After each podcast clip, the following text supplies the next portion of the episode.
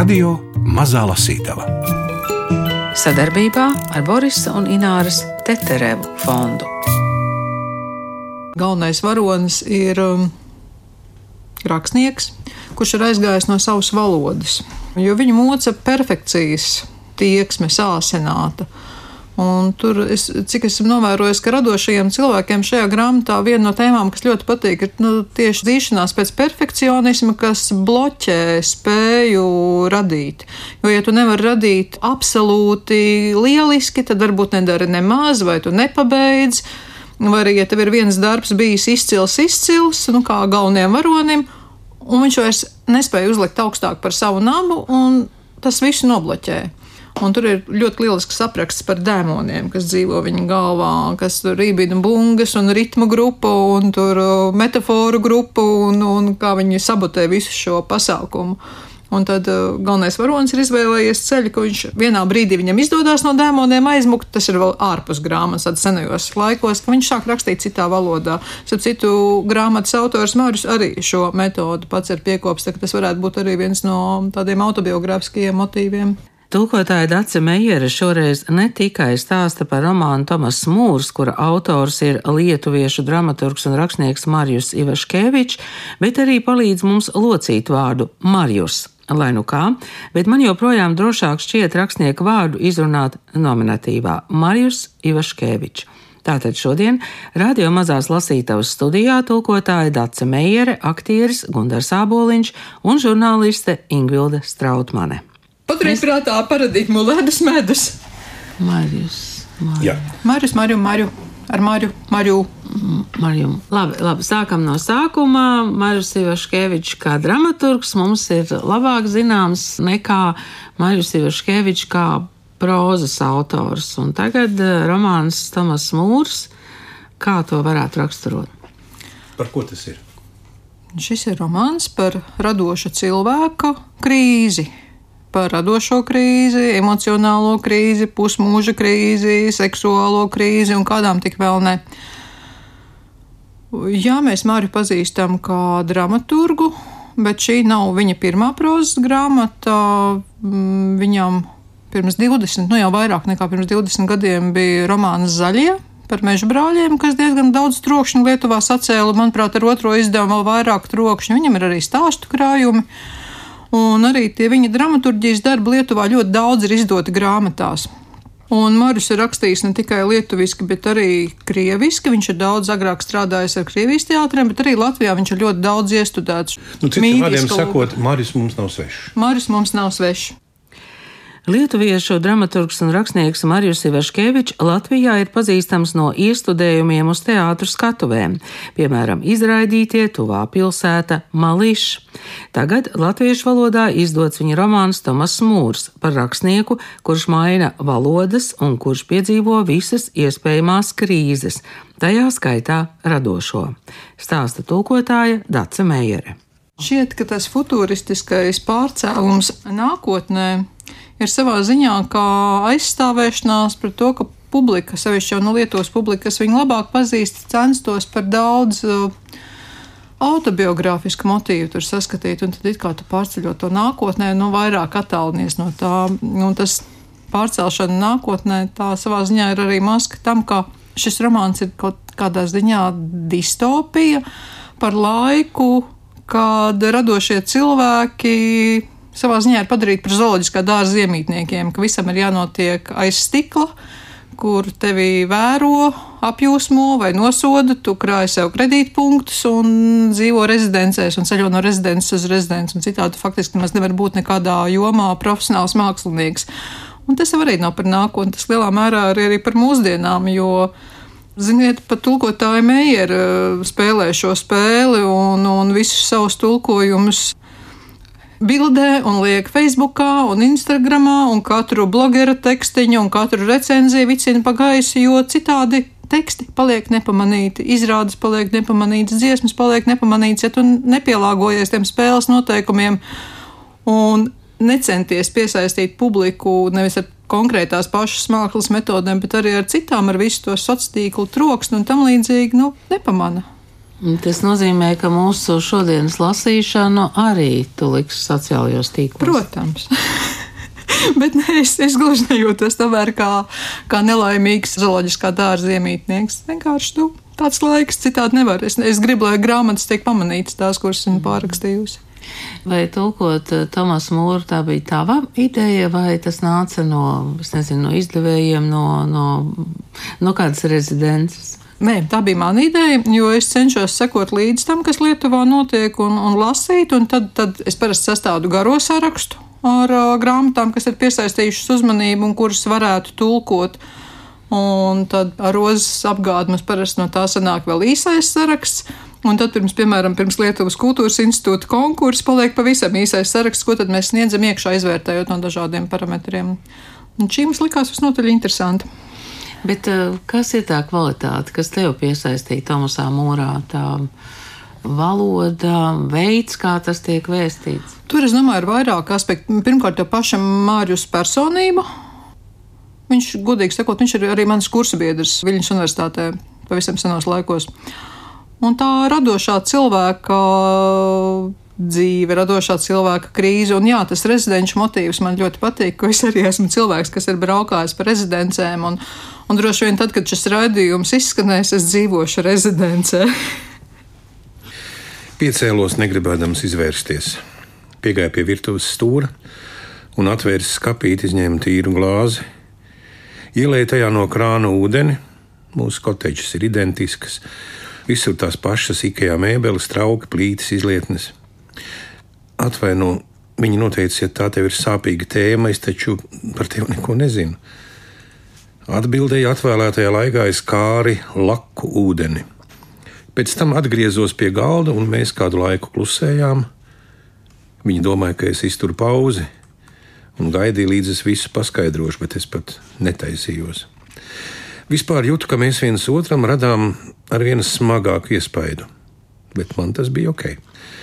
Lai censone nedomā, ka ar Tomasu Mūru būs viegli, vēl nevienam nav bijis viegli, pat ne tiem, kurus es mīlēju. Kur nu vēl tiem, kuri man vienaldzīgi? Protams, sava nozīme bija arī visām manām problēmām. Man vajadzēja sevi atjaunot, atkal kļūt par agrāko, bet viņa pakļuva zem ruļļa, ar kuru es līdzināju savas bedres. Tālumā kāds īsi iekļiedzās. Jauna vīrieša balss, kas noskanēja kaut kur pilsētiņā viņa puses rezidents sienām. Tā tūlīt atsaucās divu sieviešu smiekli.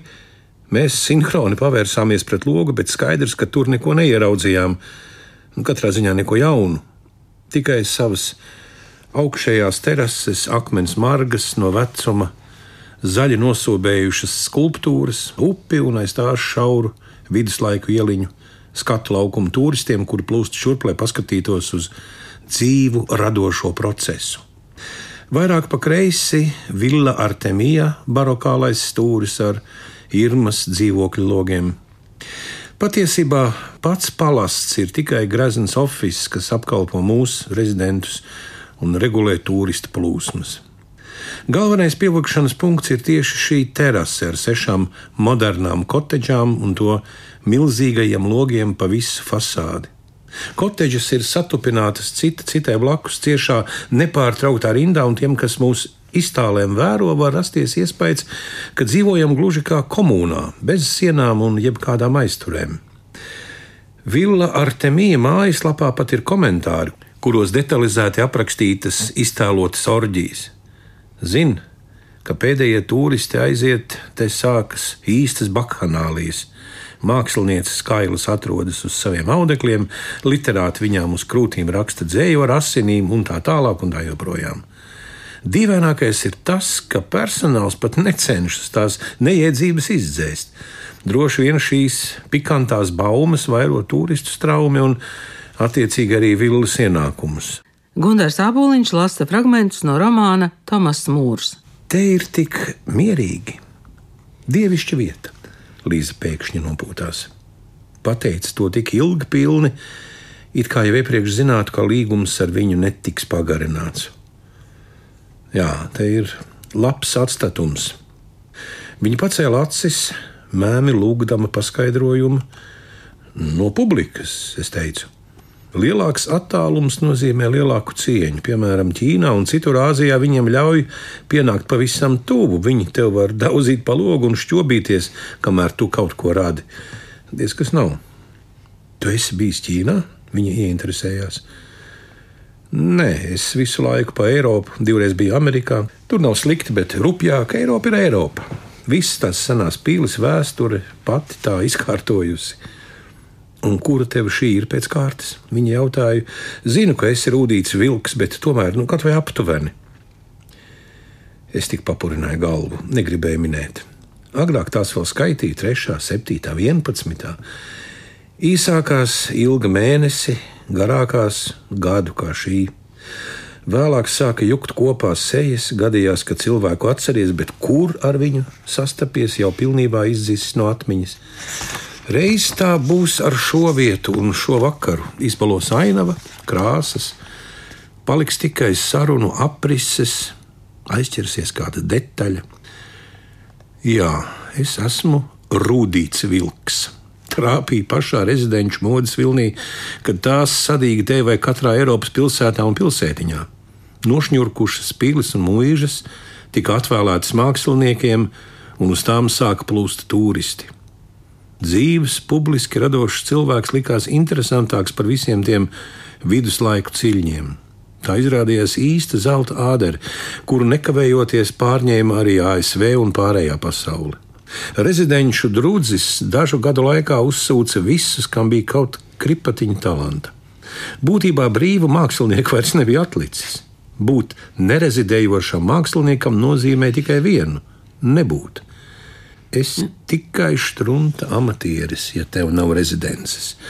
Pēdējos brīvos, kuri pretojās visilgāk, savāc ķīnieši, arābi, indieši, piedāvājot prātām neaptveramas summas, taču tās rezidences kļuva par sava veida slazdiem, par zemāko līgu, no kuras atgriezties rietumos faktiski bija neiespējami. Tur nonākušie iestrēga Āzijas tirgu bet tie laimīgie, kuriem tomēr izdevās no turienes izrauties līdu vai no ādas laukā, lai tikai viņus neaizsūtītu atpakaļ.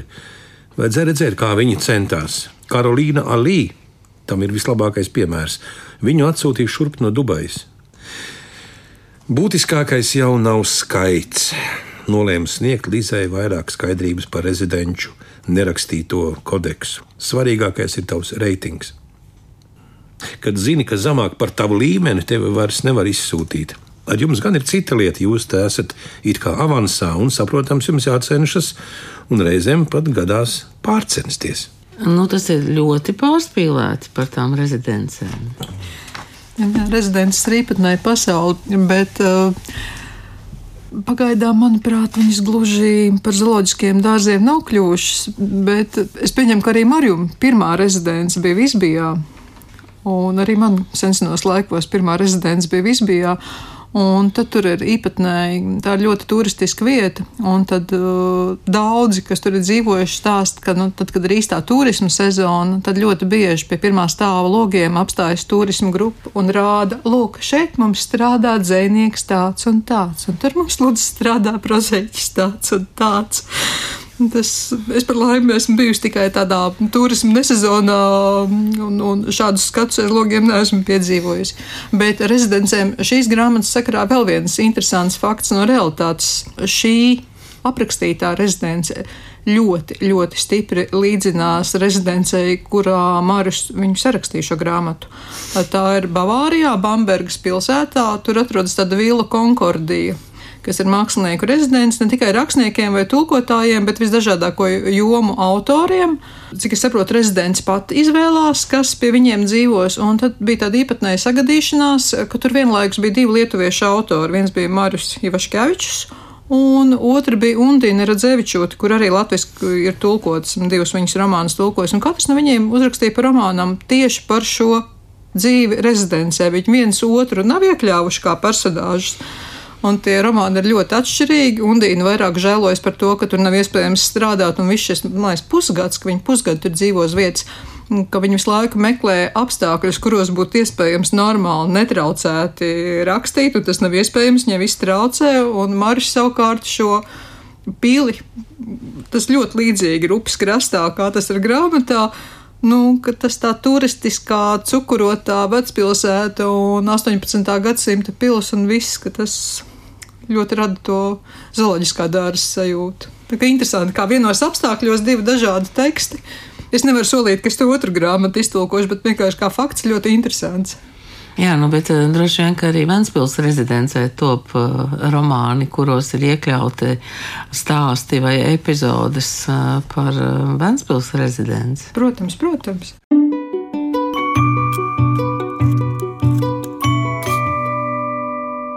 Līdz nonācām pie spokiem, un tad jau es vairs nespēju savaldīties un cirtu galdā savu trumpi. Nepārspēju mūsu stāstu par Meksikas kara spoku. Maģits uzreiz atzina to par šī vakara pērli, kas jau rīt nonākšot romānā, kuru viņš pat labi raksta. Tā arī pateica, Habībī, tā ir īsta pērle. Tik labi iederēsies manā romānā, un nekādu šaubu, vai būtu pareizi tik atklāti nozagt stāstu pašam Tomasam Mūram. Turklāt ar tādu vieglumu, it kā man vēl vajadzētu justies pateicīgam. Tāpēc vien esmu atsūtīts šurp, barot maģīdu ar sižetiem. Plus tas stāsts nav pilnībā manējais. Tikai viena daļa pieder man, bet otra pati svarīgākā Homēram. Homēram Sančesam, ja ar visu uzvārdu. Taču viņa uzvārds jau sen kļuvis par nevajadzīgu rudimentu, un visi viņu pazīst, ja pazīst vienkārši kā Homēru. Starp citu, tas ir viņa īstais vārds, nevis izdomāts kā mans. Literatūras debesīs Homērs ir absolūts milzis, lielāka par viņu šodien nav. Un kad Pundurs Maģits ar cūkšu ņukuru man paziņo, ka Meksikas karas poks jau rīt nonākšot viņa grāmatā, es salti atbildu, tev vajadzētu paprasīt atļauju Homēram. Habībī, es labprāt paprasītu, ja vien tu man iedot adresi. Teļa acis pablisinājis, viņš viens pats sāk tā locīties smieklos, ka domāju, tūlīt ar galvu atsitīsies pret galdu. Karolīna un Ādams acīm redzami nesaprata, par ko mēs ecējamies, un man ir aizdomas, ka Līza arī ne. Tikko no komiksu autors pārkvalificējusies par rakstnieci, viņa par mūsu cunftes smalkumiem necik daudz nezināja. Lieta tāda, ka neviens pasaulē, izņemot mazu Meksikas izdevniecību, kur izdod vienīgi Homēra darbus, nezina viņa adresi. Mūsu ceļi krustojās Pitsburgas rezidencē, un tieši pēc tās viņš pazuda kopā ar skaistulu Silviju, dzēnieci no Kubas. Un kas tik viņus nemedīja, ar kādām summām nevilināja lielo rezidenču aģenti? Jaunākajā romānā bija visai daudz Indijas, un skaidrs, ka rezidenču skauti metās viņu meklēt tur. Apskraidīja visas goā pludmales, cerēdami zem kāda hipija pinkām sazīmēt Homēra vaipstus, taču Homērs pārāk mīl brīvību, lai ļautu sevi tā sagūstīt. Kur viņš šobrīd slēpjas, mēs visi uzzināsim tikai no viņa nākamā romāna. Bet atgriezīsimies pie Meksikas karaspūka. Tā ir viena ļoti intīma detaļa no paša Homēra pagātnes. Es pat teiktu, pikanta. Tieši tāpēc nekad neesmu pat domājis šo stāstu kaut kur izmantot. Ar to var dalīties šaurā draugu lokā, kad ir piemērots noskaņojums apstākļi, kas noteikuši tēmu, taču palaist to pasaulē un tādējādi nopelnīt un šajā gadījumā vēl arī apzakt divus kolēģus, tā rīkoties nozīmētu ne tikai pārkāpt ētiku, bet arī samīdīt kaut ko dziļāku. Tāpēc ļāvu Maģidam līdz galam izsmieties, un, kad konfūzijas jau gāja uz beigām, ļoti nopietni pateicu: Homēra adreses man nav. Toties man ir tavējā maģīte. Es zinātu, kur tevi atrast. Kā jau bija gaidāms, viņš atkal vai mīra no smiekliem, kratījās, līkumā sameties: Oi, Tomaš, Tomaš, vai tik tu man nedraudi? Bet vispār mēs labi pasēdējām. Ja izgriezt ārā to epizodi, es dotu 8 no 10. Pat Līza man pēkšņi atklājās pavisam citādā gaismā. Vienu brīdi viņas abas ar Karolīnu pagāja malā apspriest kaut kādas sieviešu lietas un atgriezās rokās saķērušās. Ādams tobrīd stāstīja, kādu paveidu mēdz būt fejas. Maziņās sprīža garumā un lielās tās vajadzības gadījumā spējot pārvērsties par cilvēku. Teica, ka viņš tās uzgleznošot, lai arī mēs dabūtu redzēt. Nu, viņa fanātiski izvēlbītajām acīm tā arī nesaprata, vai viņš tikai interesējas par feju mitoloģiju, vai visā nopietnībā pieder pie kādas feju ticības sektas un tuvākā pusgada laikā centīsies tai pievērst arī mūsu. Tādās jauktajās rezidencēs es ar vienu biežāk pārliecinos, ka mākslinieki un komponisti ir mūžīgie bērni. Viņu mērķis ir nevis augt intelektuāli, baroties ar kultūru un visu, ko var sniegt mākslas un zinātnes pasaule, bet ievērot pilnīgu diētu, dzīvot intelektuālā badā, uzmanoties, lai kultūra nenogalē viņu savdabību. Nezinu, varbūt es pārāk vispārinu, taču atzīšu šo kļūdu tikai tad, kad satikšu kādu viņa cunftes cilvēku, kura domāšanas veids neatgādinās manu dēlu bērnībā.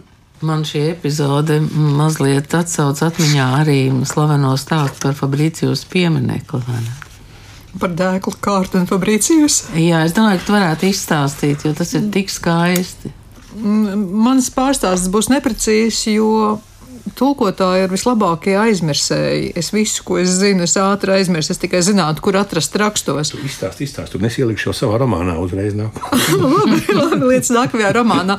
Bet ideja bija tāda, ka, nu, Ventspilī joprojām tur stāv Fabricijus piemineklis un kāds no ārzemju rakstniekiem, kādam no mūsējiem, un vai tik tā nebija no Rikstena, prasīja, kas ir šī būtne ar, ar spicot cepuri, kas tur stāv.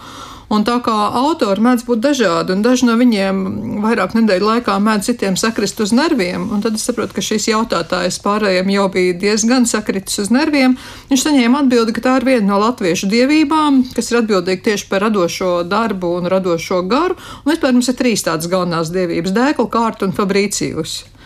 Domāju, tas ir viens no iemesliem, kāpēc pieminiekam nevajadzētu nojaukt, jo nu, viņš ir mitoloģizējies. Rakstnieku dievs, jā. Nu, faktiski radošā, rado, aizbildnis un radošā, radošā procesa aizbildnis, bet vajadzētu pameklēt rakstos, jo šī epizode, es domāju, ka ir publicēta gan Ventspils rakstnieku mājas gada grāmatās, gan vēl kaut kur. Ir, nu, tas noteikti ir atrodams, ja ir rakstos precīzāk. Folklora, tā ir folklora. Šis ir mans folkloras pārstāsts variants, bet, nu, katrā ziņā mums ir sava radošā dievība tur.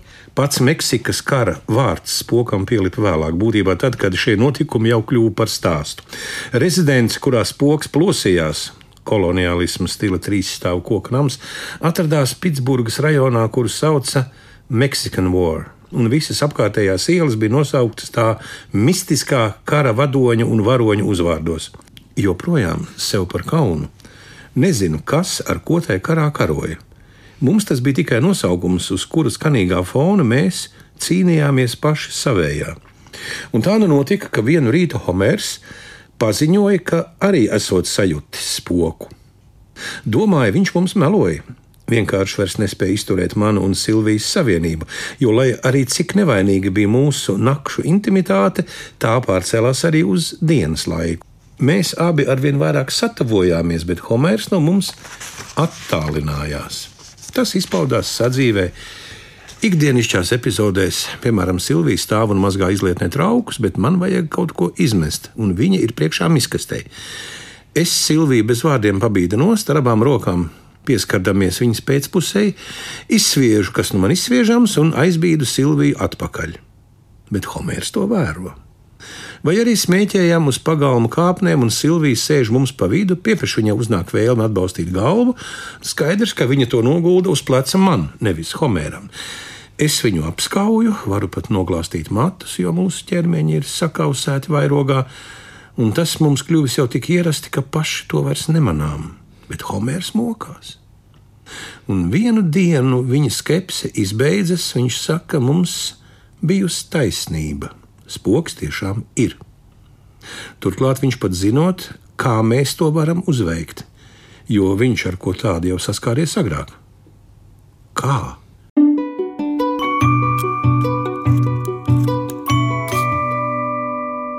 Tūkotāja Dace Meijere romānu tulkojusi no lietuviešu valodas, izdevis Jāņa Rozes apgādes autors Mārijus Ivaškevičs.